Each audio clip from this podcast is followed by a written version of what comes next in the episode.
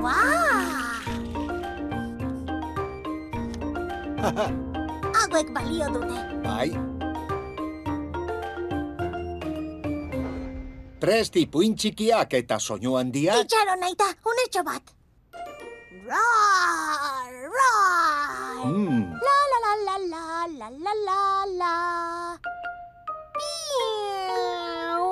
Primeran, orain bai, grabatzera seme danbor, Aita txor-txor, biok aurkeztuta, ipuin txiki, soinu handi. gaur gurekin, Tara-tara-tata. Artur Limoi Mutur, Ana Garziaren ipuina. Taran-taran-tan-tan. Jaio zenetik Arturri mila opari egin zizkioten gurasoek aitonamonek eta usokoek. Ah. Azitxoago eginda aitak txakurra ateratzeko eramaten zuenean, jendea inguruan batzen zen ura ikusteko. Eta Elizako koruan bezala kantatzen zuten. Gure Artur, ze polita, ze xarmanta, ze kutuna, hain gerutxoa.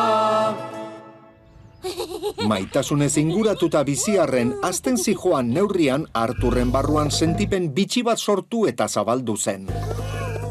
Batzuetan aurpegia berde bihurtzen zitzaion, bekokia ilundu eta ahoa estu estu izten zuen keinu itxusi batean.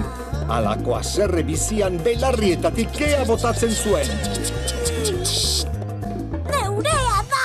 Oiukatzen zuen Arturrek zutan norbaitek bere jostailu bat hartzen zuenean. Mila zangota beso izan balitu bezala, ez izendoa egiten zuen bere altxorrak babesteko. Neurea,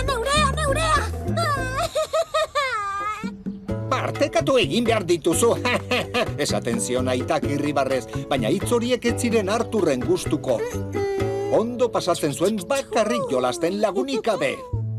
Azkenean Arturren gela jostailuz bete zen, baina beste umeek ezin zituzten hartu. Neurea da, neurea da, neurea da! Halako oiu bakoitzarekin Arturren aurpegi politak gerota limoiaren antzandiagoa hartzen zuen. Neurea entzuten didazue? Gaur jaiki eta ispilura begiratu duenean, Arturrek buruaren ordez limoi berde garratz bat daukala ikusi du, oiu egin nahi izan du. Baina haoa etzaio ireki, masailei tiraka hasi nahi izan du. Baina limoiaren azal gogorrari ezin izan dio heldu. Artur ziztu bizian joan da haitak egunkaria irakurri oiduen tokira. Esku hartu dio eta bere limoia aurpegian jarri du. Zer gertatu zaizu aurpegian, Artur? Egunkaria utzi eta semearen aurpegia ikusi duenean, harrituta esan du. "Ha, Artur, benetan zara limoi motor! Egun osoan zehar, auzokoak Arturren etxetik igaro dira, haren aurpegi garratza aldatu nahian. Amona izan da, lehenengo saiatu dena. Sudurra belarria begia, galdezazula limoi aurpegia.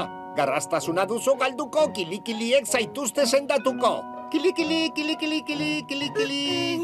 Palazoek, Blaust! mimoek eta magoek Tururu. porrot egin dute. Ezin badu egin ez zirririk, ez barrerik.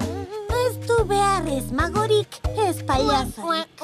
Aspertuta, Artur bere gelara joan da.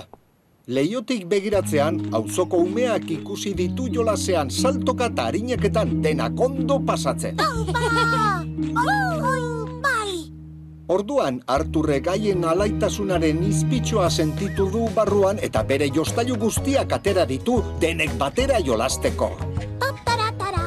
Baina umeek euren jolasetan sartuta buru belarri ez dute jostailu mendia ikusi. Artur bakarrik geratu da zalaparta hartan besoak jaitsita eta barrua estututa. Orduan esku maitekor batek berarena hartu duela sentitu du. Mariana izan da. Jolastuko gara?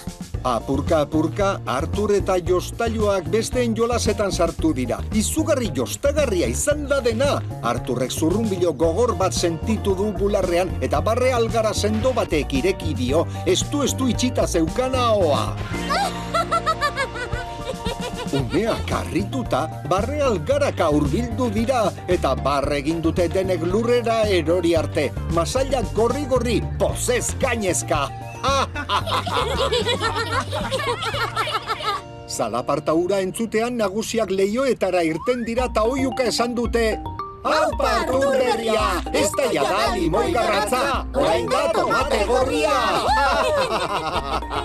Aupa! Eta ala izan bazan... Sardadia kalabazan eta irten dadia gure herriko plazan. Tarararara,